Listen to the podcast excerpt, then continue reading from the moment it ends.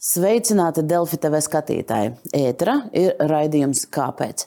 Tieši šajās minūtēs ir jāsākas saimas sēdei, kurā deputātiem būs jābalso par Evikas Siliņas valdības apstiprināšanu. Un mans viesis tiešajā ēterā ir Latvijas valsts prezidents Edgars Rinkēvičs. Ko prezidents saka par valdības sastādīšanas procesu, kā vērtē ministrus un ko var pateikt arī par diviem mēnešiem sava darba atbildīgajā amatā. Tūlīt to visu mēģināsim noskaidrot, bet sākumā neliels ieskats Rinkeviča biogrāfijā.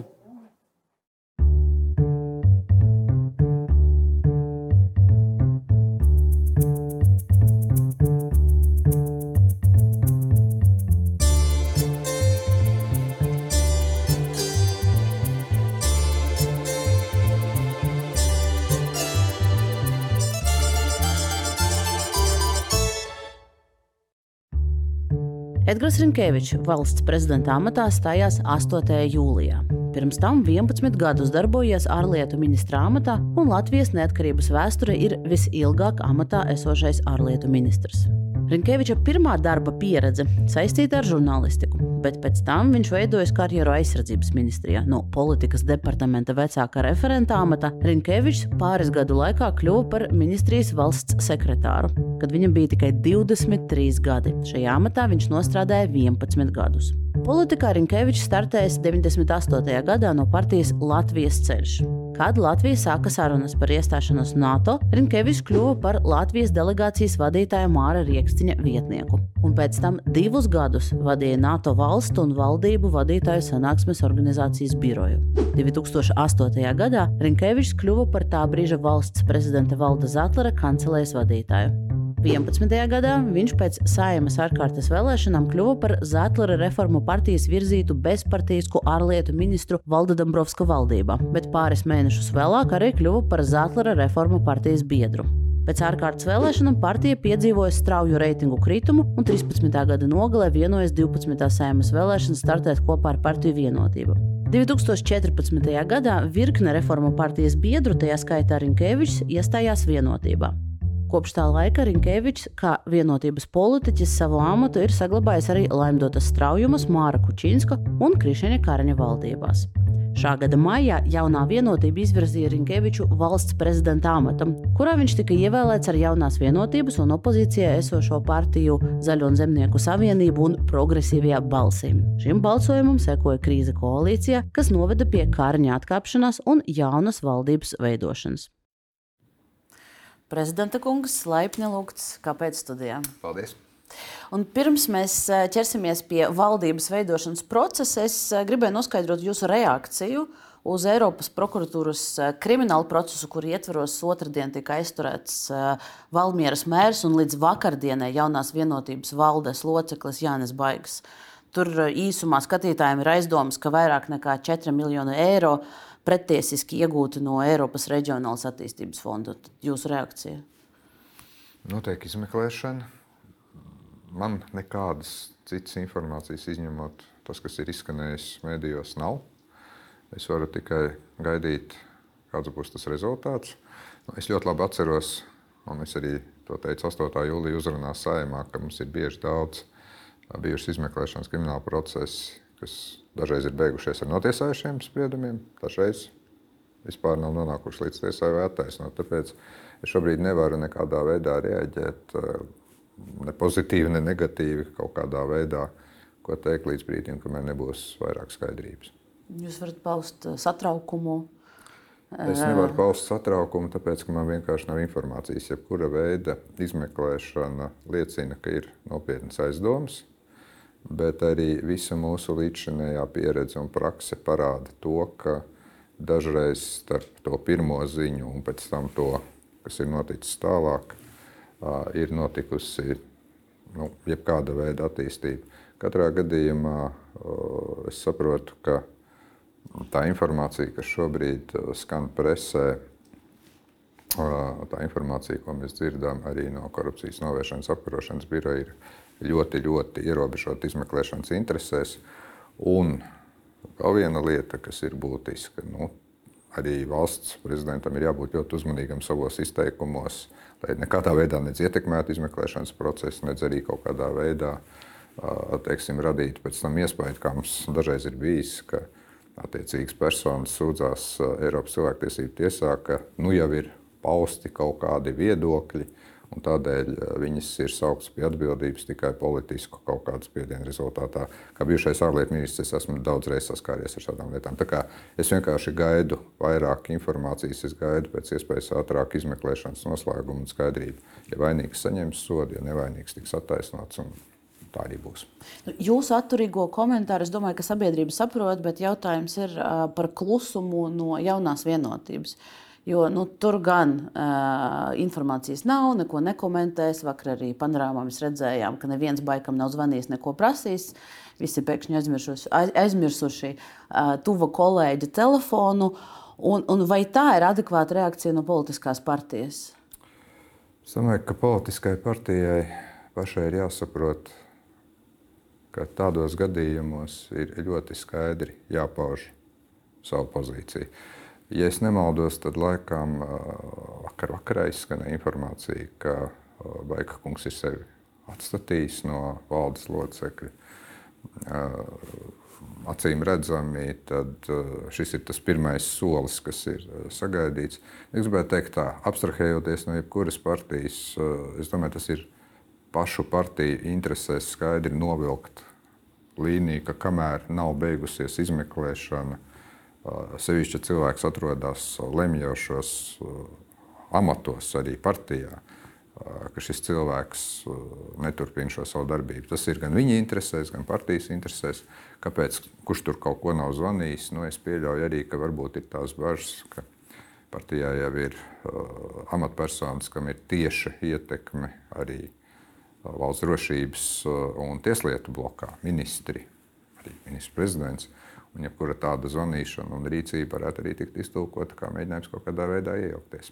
Bet es saprotu, ka jūs nu, mazliet kritizējat eh, partijas nostāju, ka viņiem vajadzētu būt stingrākiem. Nosaku to principu, kāds, manuprāt, ir nepieciešams jebkurai partijai.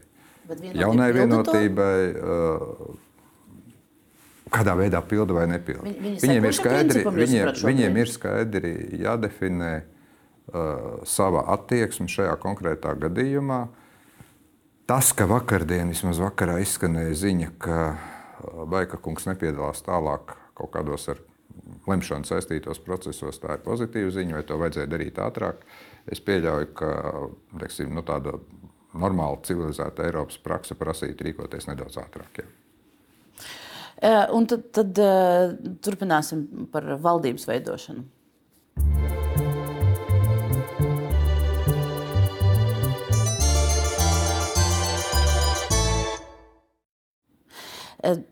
Pirms prezidenta vēlēšanām, prezidenta, prezidenta vēlēšana laikā, īsi pēc, eh, gan, gan politiķi, daudzi, gan, gan arī novērotāji eh, runāja par to, ka nu, lūk, ir, ir šīs progresīvo un zaļo un zemnieku savienības balsojums par jūsu kandidatūru. Acīm redzami, ka viņi saņems par šo tādu kā pateicību varas, varas veidolā. Uh, Visi noliedza, trīs mēnešus noliedza. Beigās mēs arī esam nonākuši šajā situācijā, kur mēs redzam, ka tie, kas nobalsoja par jums, tie arī ir šobrīd pie varas, pārējie nav. Uh, Vēl jau nav pievērsts, vēl jau mēs gaidām to balsojumu. Bet, nu, jā, es sapratu to jautājumu. Nu, die, diez vai balsojums izvērtīsies citādāks, uh, tas būs liels skandāls. Bet, uh, bet jūs, vai, vai jūs šobrīd esat gatavs kaut kādā veidā uh, atzīt, ka šie procesi ir saistīti tomēr. Ziniet, visvairāk par to, protams, izsakās cilvēki, kas tur galīgi nebija klāt, bet kuriem, protams, ir kaut kāds zināms arī nu, tāds rūkums un aizvainojums. Uh, ir divas lietas, ko es varu pateikt. Uh, un viena lieta ir tā, ka bija nevienam nav noslēpums šis politisko konsultāciju process, par kur diezgan daudz ir runāts 10. maijā. Pēc tam es vispār neesmu, ņemot vērā, ka 11. maijā man kandidatūra tika oficiāli pieteikta, piedalījies nekādās sarunās. Un apzināti to neesmu darījis. Bet, kas tajā brīdī bija skaidrs un kāpēc es teiktu, ka ne, nav tik acīm redzami, kā varbūt viens otrs grib to uzdot.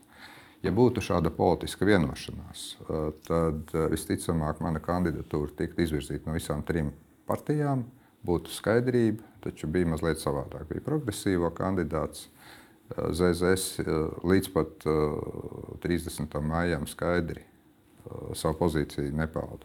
Un otra lieta, viss tas ļoti mokošais process vasarā parādīja, ka nu, nebija tā precīzi, kā tagad viens otrs mēģina teikt, ka bija izveidota koalīcija. Es pat teiktu, ka no tām konsultācijām, kas man bija augusta vidū, tā dramatiskā situācija, kad atcerieties, tur bija tikšanās starp apvienotā sarakstu un Nacionālās apvienības politiķiem un jaunās vienotības politiķiem bija mēģinājums vēlreiz dot restartu. To man ministrs prezidents apliecināja savā kabinetā, ka viņš mēģinās uh, tomēr strādāt ar šo te, nu, jau aizējošo koalīciju, bet uzstādot savus principus. Pēc tam viņš uzreiz pēc tikšanās kabinetā tos principus arī izstāstīja preses konferencē.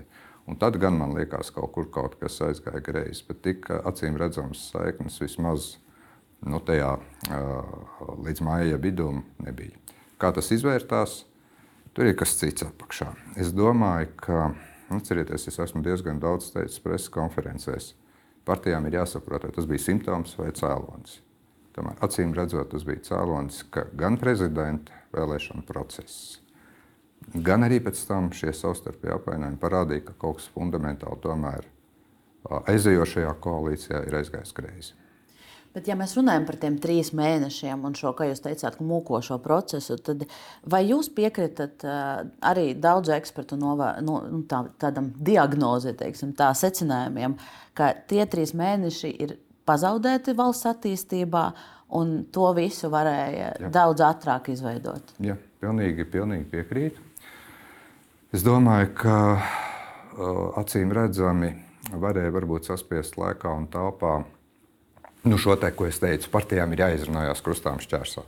To varēja izdarīt divās nedēļās, nu, tas sanāca faktiski trīs mēnešos. Ja jūs atceraties, es pat kaut kur jūlijā nu, teicu, faktiski laikam nedēļa pēc stāšanās amatā vai plus mīnus tajā laikā, ka nu, maksimums 15. augusts, bet tad ir jābūt skaidrībai. Sanāca tā, ka 14. augustā tā skaidrība iestājās tikai varbūt ne tādā veidā, kā man jūlijā vidū tas likās, jo ministrs prezidents Kariņkungs paziņoja par savu demisiju. Vai jūs prognozējat, cik ilgi strādās, strādās šī valdība? Nu, Ziniet, kā mums ir ar tām valdībām. Tiklīdz viņas sāk veidot, tā visu uzreiz prognozē ļoti īsu mūžu un saka, ka ilgi nebūs. Nu, Tas ne ir visi. ļoti, ļoti, ļoti atkarīgs šobrīd no topošās valdības ministriem. Tas ir ļoti atkarīgs no to partiju vēlmes un spējas strādāt kopā. Es šobrīd atturētos prognozēt kaut kādu valdības dzīves ilgumu. Es varu teikt tikai to, ka daudz ko noteiks tas, cik veiksmīgi viņi sāks tuvāko divu, trīs mēnešu laikā risināt tās ļoti sarežģītās problēmas, no budžeta līdz tarifiem. Ja sabiedrība redzēs, ka tur ir konkrēti lēmumi, tad uh, es domāju, ka arī valdība jutīs, ka var strādāt. Ja viņi sāks mocīties, tad tur ir visādi scenāriji iespējami. Es šobrīd atturētos prognozēt, cik ilgi. Ja mēs runājam par to sastrādāšanos starp valdības partijām, tad viens no, no tādiem ļoti redzamiem aspektiem ir šie te, teiksim, tā, tādi formāli iespējami mēģinājumi ierobežot iespējamo Aivara Lemberga ietekmi uz koalīciju, kurā zaļie zemnieki ir nozīmīgajā lomā. Tur Evika Siliņa ir, ir spērusi vairākus soļus. Tur ir ierobežojums uz ministriju skaitu vai ministrijām, kuras nodod mm, ZZS. Nozarēm kaut kādā. Nozarēm, jā, jā, drošības nozares. Atrunāšana, ka neievēlētas personas lēmumu pieņemšana klātienē nepiedalās. Apgalvojums, ka tie ministri, par kuriem būs aizdomas, ka viņi pilda kaut kādas Lemberga kunga norādījumus, tad, tad, tad, tad tos varēs atsaukt. Vai jūsuprāt, ar šiem soļiem ir pietiekami, vai tas tomēr ir formāli, kā saka daudzi cilvēki, kas ar Lembergu ir strādājuši? Ziniet, ir divas lietas, kuras es uzskatu, ka ir pilnīgi pareizi. Un īstenībā attiecās ne tikai uz vienu, otru vai trešo personāžu. Tam ir jāattiecās gan uz jaunās vienotības politiķiem, kuriem ir kaut kādas izmeklēšanas vai kaut kāda procesa, uz progresīvo politiķiem, ja tādi būs, uz uh, ZZS politiķiem. Un tās ir divas. Pirmā ir, ka tādi cilvēki lēmumu pieņemšanā tas ir koalīcijas padoms vai kāda veida citas darba grupas vai sanāksmes. Ne tikai koalīcijas padomu, bet svarīgi arī, kas notiek tajās darba grupās, par kurām varbūt mazāk ziņo mēdījiem, par kurām mēs mazāk zinām. Bet tās ir daudz būtiskākas dažreiz nekā tās formālās tur, fondu grupas vai kā nu viņas tur sauc, nodokļu grupas. Ka tur tiešām nav neviena. Un tā jau nu, tiešām ir gan ministra prezidenta kandidāts, ja topošās premjerministrs atbildību to pieskatīt. Un otra lieta - tiešām tie ierobežojumi Nacionālās drošības un tieslietu bloka ministrijās tie ir pareizi. Tagad atbildot uz šo jautājumu, vai tas ir formāli vai nē, ziniet, es teiktu tā, to mēs tagad teorētiski varam daudz diskutēt, bet tikai praktiskā darbība reāli parādīs. Un tikai tad, kad parādīsies pirmais mēģinājums kaut ko ietekmēt, un ja teiksim, to uztvers vai no opozīcija vai mēdīja, un šai ziņā man pat varbūt jāsaka, priecē tas, ka ir spēcīga opozīcija, kas sakos līdz ļoti stingri. Un ja tad nebūs tā reakcija, tad visas teorētiskās konstrukcijas galīgi nebūs teiksim, jēdzīgas. Es teikšu tā, tikai praktiskā darbā mēs varēsim pārliecināties, vai un kā nu, šis mehānisms, kas ir uh, uzkonstruēts, uh, spēs arī sev darbā pierādīt.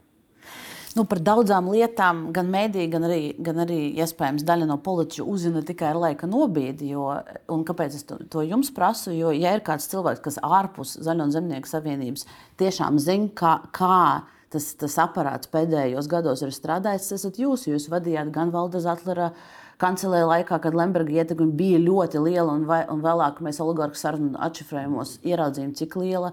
Gan jūs bijāt uh, vairākās valdības kopā ar ZZS kopā, arī kopā ar uh, ZZS ministru, ministra prezidentu strādājāt. Un, un te ir jautājums, vai, nu, ja kādam ir spējas paredzēt, vai būs uh, šī, šī, vai šie ierobežojumi strādās, tad nu, jums, ir, jums ir jāzina. Nu, tāpēc es arī teicu, ka ir divi aspekti, kas man tomēr liekas diezgan mm, labs uh, mehānisms. Tādēļ, ka neaizmirsīsim, ka savulaik, jā, jums ir taisnība, šķiet, ka 2014. gada janvārī tika izveidota Lendotas straujums valdība. Uh, un tad uh, ZZS bija uh, arī daļa no koalīcijas. Un, labi, teiksim, prezidenta institūcija tik daudz ikdienas lēmumu pieņemšanā nepiedalās. Un arī viena otra lieta, patiesībā sakot, es ar arī interesi lasīju pēc tam presē ar gadu nobīdi. To mēs vienkārši tajā brīdī nezinājām. Tad eh, teiksim, tā lēmuma pieņemšana eh, bez eh, cilvēkiem, kas nav ievēlēti saimā vai nav saimnes iecelti, tas tomēr ir viens aspekts. Un otrs aspekts, ka nu, maksimāli tiek pasargāta tā drošības un tieslietu nozaru darbība, bet, bet vēlreiz, tas ir tas, kas nebija. Vai tas strādās? To es varu tikai atbildēt, tā kā es atbildēju iepriekš. To mēs redzēsim praktiskā darbībā.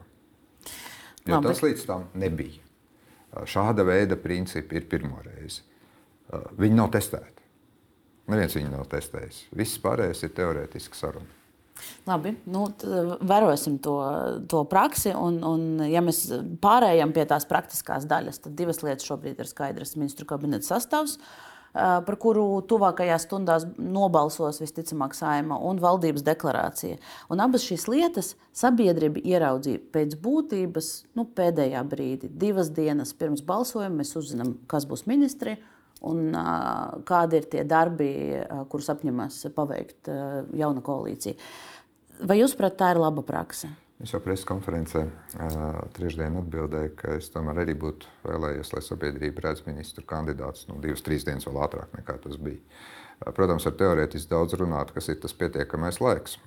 Par valdības deklarāciju ir tā, ka nu, Teiksim, es neatceros gan daudz tādas valdības, kas valdības deklarāciju būtu publiskojušas nu, nedēļas, trīs pirms uh, balsojuma. Bet nu, ne divas dienas. Uh, es gribu teikt, ka es tajā valdības deklarācijā atrodu uh, kaut ko, kas uh, man liekas ir labi, un tas ir tas, ka tā ir gan īsa. Uh, kas nav tik labi, ka tur ir diezgan daudz deklaratīvas frāzes un nav pārāk daudz konkrētības. Uh, es saprotu, ka varbūt tiešām ir tā jaunā pieeja, ka katru pusgadu liksim pa konkrētiem darbiem.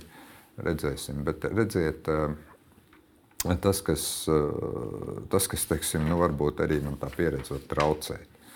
Es esmu redzējis ļoti daudz un dažādus veidus, kā top valdības deklarācijas un kā top valdības. Tad, kad iepriekšējā valdība tapa divi ar pus mēneši, tas bija par garu, un tie teksti bija par garu, un tad arī nebija labi. Tad eh, ministru sastāvs īstenībā pēdējais jau arī nebija neko tur ilgi, ilgi pir, ātrāk pirms tā saimnes balsojuma bijis. Manuprāt, šis nu, ir tas gadījums, eh, kad atkal kaut kur varbūt viss tas process parāda, ka, lai arī daudz mēs runājām par tiem trim mēnešiem, ka nu, viss jau ir bijis skaidrs, ka beigu beigās jau ļoti daudz lietas bija tik neskaidrs, ka kaut kur, kaut kur beigās. Pat man brīžiem, ar visu to, kas tomēr nu, politiku drusku zinu, tā kā man liekas, likās, ka uh, patiesībā neviens īsti nebija gatavs tam, ka beigās šī Kariņa kunga valdība tik strauji tomēr sabruks. Man, man pat radās tāds iespējas no visām sarunām, uh, pilī, kas man bija ar visām uh, partijām, lai cik tas jocīgi arī neskanētu. Un tad, laikam, es iejaucos ar to, ka es pateicu, ka valdībai tomēr ir jābūt līdz septembra vidum, jo mēs nevaram vairs gaidīt. Labi, slikti, bet ir vajadzīgi lēmumi. Un tagad Tajā, kā jūs pats minējāt, deklarācijā, neskatoties uz to jūsu no, uzstādījumu, ka jābūt konkrētiem punktiem un, un uh, izpildes termiņiem un, un uh, paskaidrotam, kas tiks darīts, jūs, ir kaut kādas konkrētas lietas, ko jūs nesagaidiet, tur, ka, kur jūs gribētu būt redzējis to termiņu vai, vai konkrētību? Es būtu labprātāk redzējis vairāk konkrētības saistībā ar sabiedrību tiešām satraucošiem jautājumiem piemēram, tiem pašiem tarifiem, tiem pašiem. Teiksim, viena lieta mēs risināsim, otra lieta, kā mēs risināsim. Kad mēs risināsim. Es saņēmu mutisku apliecinājumu, ka tas tiks risināts burtiski tuvāko nedēļu laikā. Bet man ir sajūta, ka vēl līdz galam varbūt nav skaidrība, kas būs precīzie mehānismi. Jo ir skaidrs, ka vienkārši tarifu atcelšana nenotiks. Tur jau ir pamats, kāpēc tas nenotiks. Bet kā to darīs, tas ir cits lietas. Otra lieta, nu, burtiski vakardien Eiropas, uh, Eiropas centrālā banka paziņoja par uh, kredītprocentu pieaugumu. Jā, es zinu, ka ir divas lietas, kas tiek apspriestas. Uh, viena ir tātad likums par kredītprocentu pieaugumu ierobežošanu. Manuprāt, atbalstām lieta. Otra lieta par šo banku nodokli. Nu, tur es saprotu, ka nebūs tas Lietuvas variants, bet tiek runāts par Igaunijas variantu. Uh, labi, uh, tā ir tā vēl viena lieta konkrētas lietas, kas man, piemēram, apmierina, ir uh, austrumu robežu žoga uh, izbūve. Tas ir skaidri pateikts. Kas man vēl nav līdz galam skaidri pateikts, ir uh, piemēram, kā mēs stimulēsim iekšlietu sistēmas gan darbinieku atalgojumu pieaugumu, gan finansējumu. Tas ir, protams, 2024. gada budžeta jautājums. Es saprotu, ka, ka varbūt nevar prasīt daudz lietas, kas būs rīcības plānā. Uh, Bet nu, ir, arī, ir arī lietas, teiksim, kuras nu, es saprotu, ka varbūt nav konkrēti deklarācija ierakstīts, bet nu, ir kā darāmie darbi cilvēktiesību standarta jomā. Tā, tā apņēmība ir. Tāpēc nu, nav tā, ka viss ir slikti vai viss ir ļoti labi.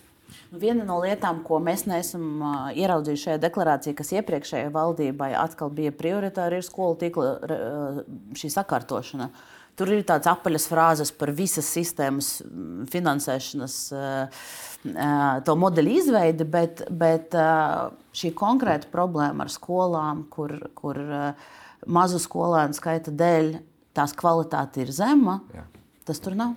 Un, ziniet, es teiktu tā, varbūt, ka mani tomēr daudz nopietnāk ir ietekmējušas tās vizītes reģionos, kā varbūt pirms pusgada, ja es būtu šajā studijā. Manuprāt, ka šeit gan es nepārmestu valdībai to, ka ir drusku apaļāks tās frāzes trīs iemeslu dēļ. Pirmā lieta, ko es tagad esmu redzējis praktiski, runājot ar cilvēkiem, runājot ar skolotājiem, runājot ar pašvaldību cilvēkiem, pie tam faktiski izkliedēt visā Latvijā no kurzemes līdz Latvijai. Jā, skolu tīkla sakārtošana, tāpēc es arī savā paziņojumā teicu, samērīgi un saprātīgi.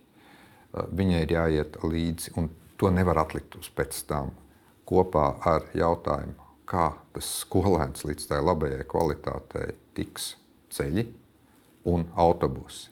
Un, ja man Krasnodarbā saka, ka ir baigi forši runāt par zaļo kursu un piedāvāt mums autobusu ar elektrodzinēju, viss ir skaisti, bet tikai viņš līdz Rīgai neiet visu četras stundas, bet tur kaut kādas astoņas, tāpēc ka vienīgā uzpilde ir Jēkabīlī, tad tomēr šeit uh, tam skolu tīkla sakārtojumam ir jābūt kompleksam kopā ar ceļiem un autobusiem. Varbūt tās apaļās frāzes nesasteidzot, uzreiz ieliekot kaut kādu 1. decembri vai 1. februāri.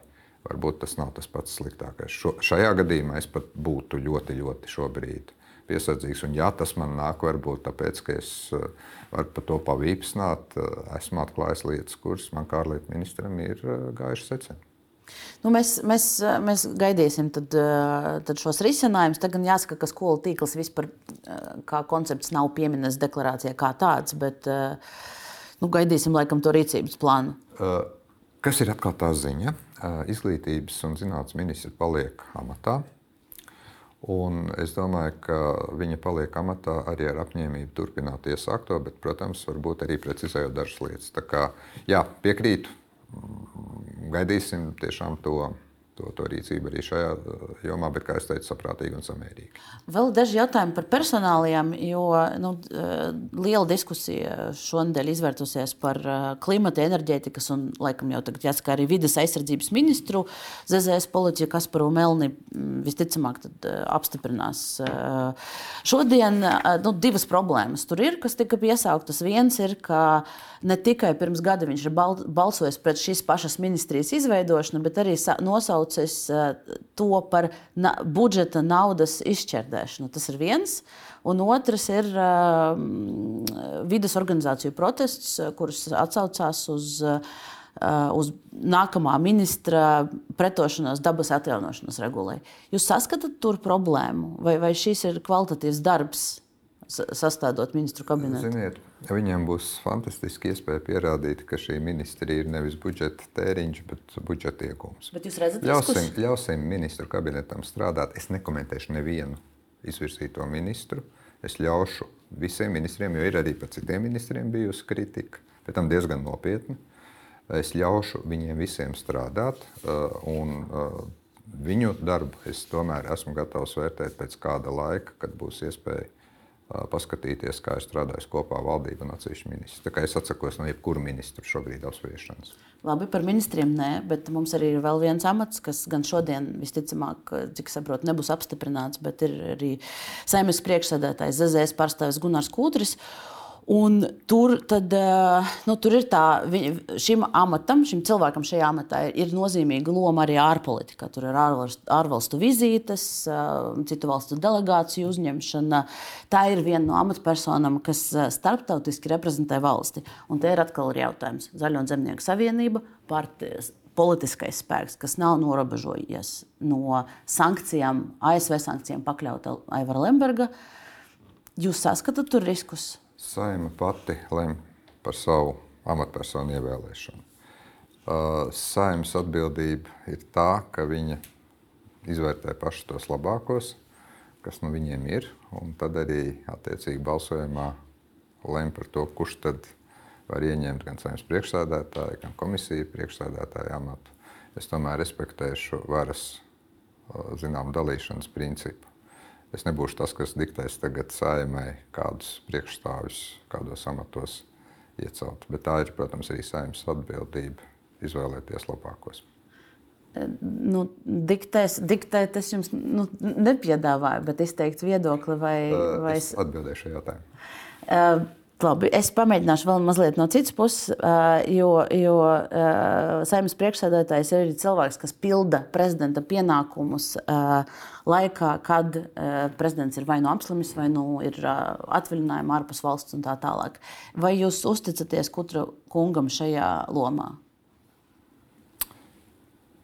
Satversme precīzi nosaka to, kādā veidā funkcionē Latvijas valsts. Un valsts prezidents neizvēlās savu vietnieku teiksim, tajā brīdī, kad viņš ir ārpus valsts vai viņš slimo. Es vienkārši atbilstoši satversmē, rakstu paziņojumu, ka es dodos ārpus valsts ap citu. Tāds paziņojums man liekas, ir arī šodien Latvijas vēstnesī, vai vakar bija par to, ka es dodos vizītē uz ASV uz nedēļu un ka manu vietu pildīs saimnes priekšsēdētājs Edvards Smiltēns. Uh, tas ir satversmē noteikts, un piedodiet, uh, bet uh, vienkārši šādu jautājumu komentēt, kam es uzticos, kam es neusticos. Es uzticos Latvijas satversmē, kurai ir noteikti skaidri principi, un es uzticos tam, ka saima izvēlās labāko priekšsēdētāju, kādu tā var izvēlēties, nobalsojot ar vairākumu. Viss. Eh, saprotiet, tas būtu kaut kāds mazliet absurds, ja mēs te sāktu tagad kaut kādus komentārus eh, par to, kas ir eh, demokrātisks process. Mēs varam uh, politiski uzticēties vai neusticēties kādam vēlēšanās, bet uh, tas būtu pilnīgi bezatbildīgi no valsts uh, augstāko amatpersonu viedokļa. Tagad vēl pirms vispār kāds ir A ievēlēts, B sācis strādāt, C ņemties tagad par tēmu, kas ir uzticība, kas nav uzticība.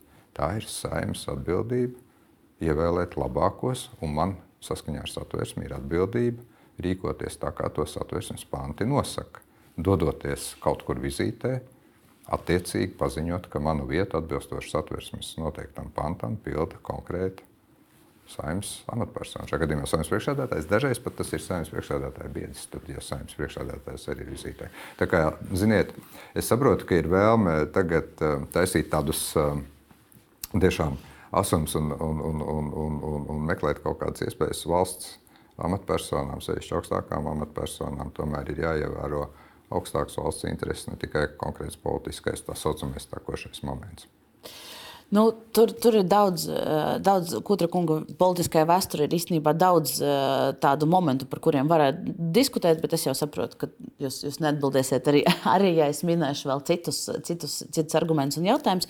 Bet, ja mēs runājam par šiem valdības darbiem, atgriežoties pie deklarācijas un, un tiem solījumiem un arī tematiem, kas jums ir svarīgi, eh, tad viens, viens no darbiem, ko valdība apņēmas šogad jau izpildīt, ir kopdzīves likuma regulējums. Spēc, man, es, es man liekas, pārkopēju no, no tās, bet, bet nu, jebkurā gadījumā neieslīgstot detaļās, tur ir dažādi varianti, ir, ir pieminēti. Vai, vai jūs varat pateikt, kas jūsuprāt, um, kādam saturam šajā regulējumā ir jābūt? Vai jūsuprāt, uh, ir jābūt tādam saturam, kurš patiesi pielīdzina uh, vienzimumu pāru tiesības laulāto tiesībām? Pirmkārt, es domāju, ka mums ir beidzot tiešām vienalga kādā formā. Man liekas, mēs par to diskutējām, vai ar jums, vai ar jūsu kolēģi, arī šajā studijā, arī pirms ievēlēšanas. Beidzot ir jāspēr tas solis, un vai nu ar vienu likumu, vai ar likumu pakotni. Nav tik būtiski. Uh, ir jādod vienādas tiesības visiem. Otra lieta. Uh, mēs nevaram šobrīd runāt par to, ka, uh, un es zinu, ka ļoti daudz oponenti uh, visam šim regulējumam to izmanto katru dienu, ka tas ir, kā lai saka, laulības institūts. Laulība ir definēta satversmē, patīk vai nē. Satversme šobrīd neviens negrasās grozīt, bet manuprāt, tam regulējumam ir jābūt tik precīzam un plašam, ka viņš atrisina visas problēmas, kas uh, vienalga vienzimuma vai nu, teiksim, formālā laulībā nēsošiem dažādu dzimumu, divu dzimumu uh, cilvēkiem radās no tiesībām saņemt informāciju par uh, pacientu stāvokli ārstniecības iestādē, līdz pat arī pienākumam izvairīties no interešu konflikta. Tur nav tikai tiesības, tur ir arī pienākuma daļa. Uh, vai tas pilnībā nu, šis regulējums nosedz laulības uh, kaut kādā veidā definīciju institūtu? Es esmu runājis ar tieslietu ministri, tad, kad viņi bija pie maniem un jautāja, cik tālu šī lieta ir. Nu, tas vēl bija iepriekšējās valdības laikā. Viņi teica, ka pakotne esot principā gatava. Viņi gaidot, kurā brīdī tas sāksies. Tajā brīdī, man liekas, valdība vēl nebija kritusi. Viņi gaidīja saimnes darba atsākumu. Viņa teica, ka tur visi šie praktiskie jautājumi tiks arī atrisināti. Vai tam ir jābūt uh, precīzam laulības institūta nu, kaut kādam otram izdevumam vai Jautājums kopijai. tiesībām, jā, es, domāju, es domāju, ka tur ir ļoti precīzi jāskatās un gandrīz jāvelk ar pirkstu. Bet, uh, Nu, laulība var slēgt arī baznīcā. Latvijā, cik es zinu, baznīca vēl pagaidām vienzimumu laulības neslēdz. Un es tomēr būtu ļoti uzmanīgs. Es teiktu, ka man vairāk un principiāli šoreiz ir uh, nozīmīgi tas, ka tiek aizsargātas tās tiesības un nodrošinātas tiesības visiem vienādi, bet es negribu uzsākt diskusiju un, un, un kaut kādā veidā radīt vēl papildus problēmas par to, kas ir ierakstīts satversmē. Bet tiesību un uh, aizsardzības apjomam ir jābūt tādam, kāds uh, ir faktiski vidēji Eiropas standarts. Un, diemžēl tas vidējais Eiropas standarts arī ir diezgan dažāds. Viena atzīst pilnībā laulības, citiem ir tikai šis partnerattiecību regulējums. Es domāju, ka mūsu valsts šobrīd nav tur, lai, lai mēs runātu par kaut kādu laulību atzīšanu. Tas ir satversmes vienkārši grozījums, un satversmi šobrīd neviens netaisās grozīt. To mēs labi redzam. Nu, mans jautājums bija tieši par uh, tiesību pielīdzināšanu, lai būtu viss vis tas pats, ko šobrīd var uh, izdarīt dažādu dzimumu cilvēki, aizejot uz. uz Tam ir jābūt tādam, kur neviens nav diskriminēts. Vai tas ir tieši viens pret viens, kā tas ir šobrīd laulības institūtā, vai tur ir kaut kādas nianses Ziniet, labāk tad jāicina eksperti studijā, bet uh, tam ir jābūt tādam, kur neviens nekādā veidā tālāk vairs netiek diskriminēts. Vai tas atbilst vai neatbilst? Es tiešām neesmu jurists, man būs grūti šobrīd varbūt aiziet kaut kādās niansēs. Es vēl vienu tādu precizējušu jautājumu par šo, jo uh, es runāju ar cilvēkiem, kas, kas, kas dzīvo uh, šādās ģimenēs un kādas ir viņiem problēmas. Tur daudz problēmas attiecas tieši uz tajā brīdī, ja ģimenē ir bērni. Tad aizbraukt ar kopīgo bērnu uz slimnīcu, reģistrēt kā apgādājumu, pretendēt uz saskarsmes tiesībām, ja gadījumā pāris izšķiras. Tad šīm visām lietām tur arī būtu jābūt šajā, šajā pakotnē vai likumā. Nu, jūsuprāt, redziet, te ir tāds jautājums, ko es vēl neesmu arī sapratis, vai tas būs pakotnē vai nē. Tas ir diezgan nopietns diskusijas jautājums, laikam, kas būs saimā, kas notiek ar šo satversmes tiesas 20. gada novembra spriedumu par, par šo ģimenes jēdzienu, ja pretī bērnu adopcijas tiesībām.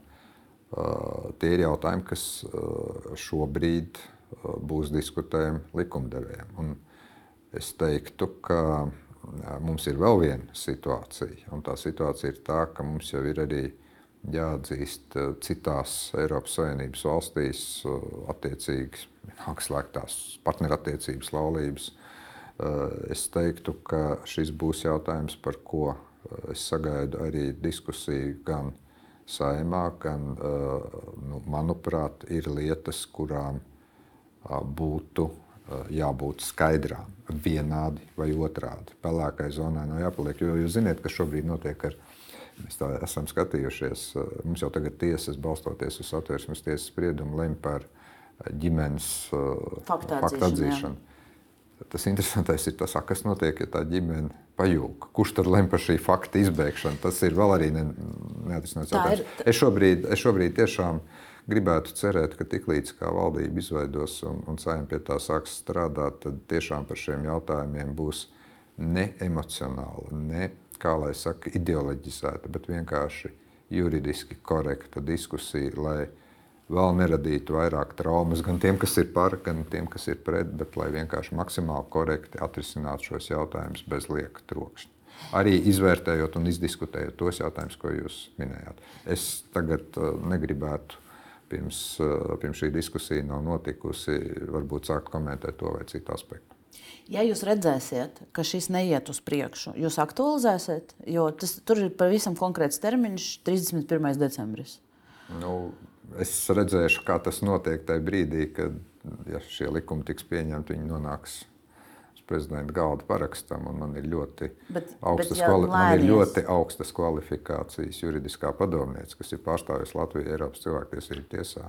Es noteikti konsultēšos ar viņu, bet es šobrīd neskriešu notikumiem pa priekšu, kamēr mēs šobrīd pat neesam redzējuši nevienu šos, šos piedāvātos likuma grozījumus un likuma pakotni.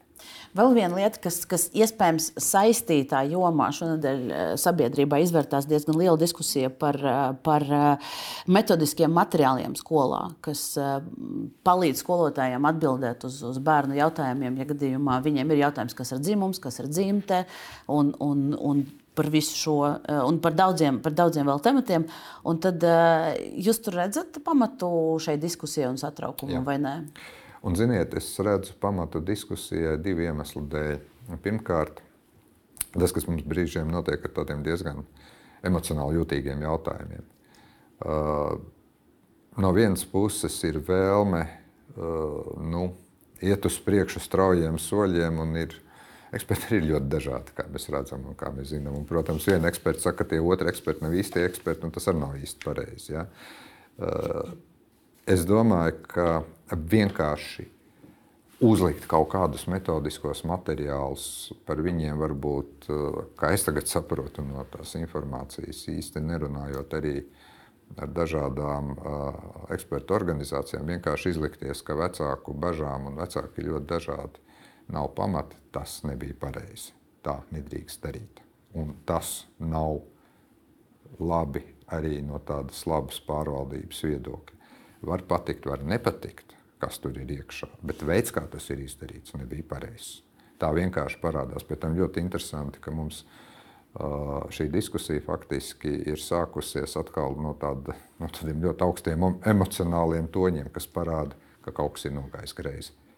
Tā nebija laba prakse, un es domāju, ka pēc mazliet mierīgākas diskusijas, varbūt pēc kaut kādas tur viena otra materiāla koriģēšanas, varbūt mēs varēsim mierīgi atgriezties pie varbūt korektāka veida, kā šīs ļoti sensitīvās problēmas arī risināt.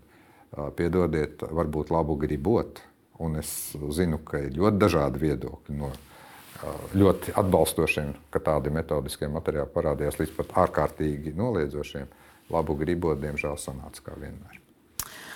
Nu, es, es ļoti gribētu attīstīt šo sarunu, bet, bet mums Droši, ir vēl tikai, tikai, tikai četras. Tikai es baidos, ka redziet, ne man, ne jums nav šīs vienīgās patiesības tādos ārkārtīgi emocionālos jautājumos, un ko es esmu sapratis no visas savas diezgan vētrainās politiskās dzīves un karjeras, ka vienkārši mēģinot tasi un skaļi postulēt par vai pret kaut ko vienā lietā, mēs vienkārši iestiegstam. Mēs neprotam normāli, mierīgi atzīt lietas, paņemt atpakaļ, izdiskutēt un mēģināt iet uz priekšu. Un tas attiecās uz visu viedokļu paudējiem. Vēl viens jautājums, kas pēdējās nedēļās bija ļoti karsts, un vakar ir daļēji noslēgts. Tāda, tā, tādas mums ir šīs nedēļas, bet uh, imigrācijas likuma grozījumi trešo reizi gada laikā ir grozīts imigrācijas likums. Uh, vakar saimnes deputāti nobalsoja tādā īpašā steidzamībā, kas, kas jums neļauj eh, neizsludināt šo, šo, šo likumu, un vēl divi gadi ir iedoti tiem Krievijas pilsoņiem, um, kas agrāk ir bijuši ar, ar Latvijas pasēm, vēl divi gadi iemācīties latviešu valodu, bet atkal ne visiem. Tikai tiem, kas uz eksāmenu nav aizgājuši attaisnojoši iemeslu dēļ vai nav nokārtojuši. Tagad jautājums, vai jums ir pārliecība, ka šoreiz tas likums būs izpildāms? Jo mēs zinām no PMLP, ka tie ir 5000 cilvēki, kas vispār neko nav darījuši. Nu, tie būs vairāki tūkstoši, kuriem beigsies tulīt visas tiesības, un tad viņi būs jāizraida. Nē, nav, Mēs varam. Bet, ziniet, ko? Bet man ir jautājums, kāpēc viņi neko nav izdarījuši? Viņi, būdami Krievijas pilsoņi, dzīvo Latvijas valstī. Latvijas valsts likumi ir jāpild ja tu pat vispār neesi iesniedzis dokumentus vai pieteicies eksāmenam, tu man pat savu laiku iekšlietu ministrs teica, ka nu, tas gan bija augusta vidū, varbūt tagad ir skaidrība lielāka. Ka līdz galam nav skaidrs, vai vispār šie cilvēki dzīvo Latvijas uh, republikā šobrīd. Varbūt, ka viņus nav sasniegusi tā informācija. Bet, uh, no vienas puses, uh, es nebiju laimīgs, un es to esmu teicis publiski ar to veidu, kā likums pirms vēlēšanām tika pieņemts. Tad viņš tika grozīts. Tagad mēs faktiski jā, dodam tos divus gadus, jo vairs neviens to nevajag. Tad man ir jautājums, ja cilvēki vispār nepiesakās, ja viņi nesaprotams uzspēlē Latvijas Republikas likumu, ja vēl ir divi gadi iedot, kā tad Latvijas valsts tālāk būs rēģēt? Nu, es, es, bet īsumā tas Nē, ir. kā iz- ir, ir? Nē, es jums nevaru atbildēt. Tas nav mans. tādā gadījumā Latvijas valstī tajā brīdī, ja vienalga, ja Latvijas pilsonis nepilda Latvijas likumus, viņš saņem sūdu. Vēl divu gadu laikā kāds vispār man mācās, ne vispār iesniedz dokumentus. Ir izpildāms. Tas, tas jautājums, ko es uzdevu, bija, vai jūsuprāt šis likums šoreiz ir izpildāms? Ir 5000 cilvēki, kas neko nav darījuši. Tā ir. Tā ir vai nav? Eh, Nu, iemesli tur var būt dažādi. Un divu gadu laikā nekas nenotiek. Likums. Labi, eh, paldies, paldies, precīzi. ļoti, ļoti uh, man prasa par Krievijas uh, pilsoņiem, lai gan man ir viedoklis par to, ka tas nebija pareizi, kā tas ir izdarīts. Uh, ja mums, mēs paši bieži vien uztraucamies, ka daudzos citos gadījumos Latvijas likuma nepildīšana rada tiesisku nehioismu. Arī šajā gadījumā divi gadi vēl viedokļi ir ļoti precīzs laiks. Un es aicinātu tiešām visus šoreiz aiziet. Es domāju, ka Krievijas pilsoņus parādīt savu labo gribu, vai tad arī saprast, ka acīm redzot, viņu lojalitāte valstī, kurā viņi dzīvo, nav tāda, bet viņiem vienmēr ir iespēja doties ārpus Latvijas republikas. Un tādā gadījumā Varbūt pietiks beidzot vaimanāt par lietām, kur cilvēki nav mācījušies valsts valodu 30 gadus, protestējuši pret Latvijas uh, vēlmi jau no 4. gada izglītības sistēmā izdarīt uh, grozījumus, pāriet uz latviešu valodu. Tagad mēs atgriežamies pie tā, ka viss ir vainīgi tikai ne viņi. Paldies! Nu, daudz, daudz tur ir, eh, ir, ir, ir āķu, eh, aiz kuriem varētu aizķerties, bet, bet eh, paldies par jūsu viedokli un paldies, paldies arī par to, ka atradāt, it īpaši šodien laiku ierasties pie mums. Valsts prezidents Kāpēc studijā Delfi TV.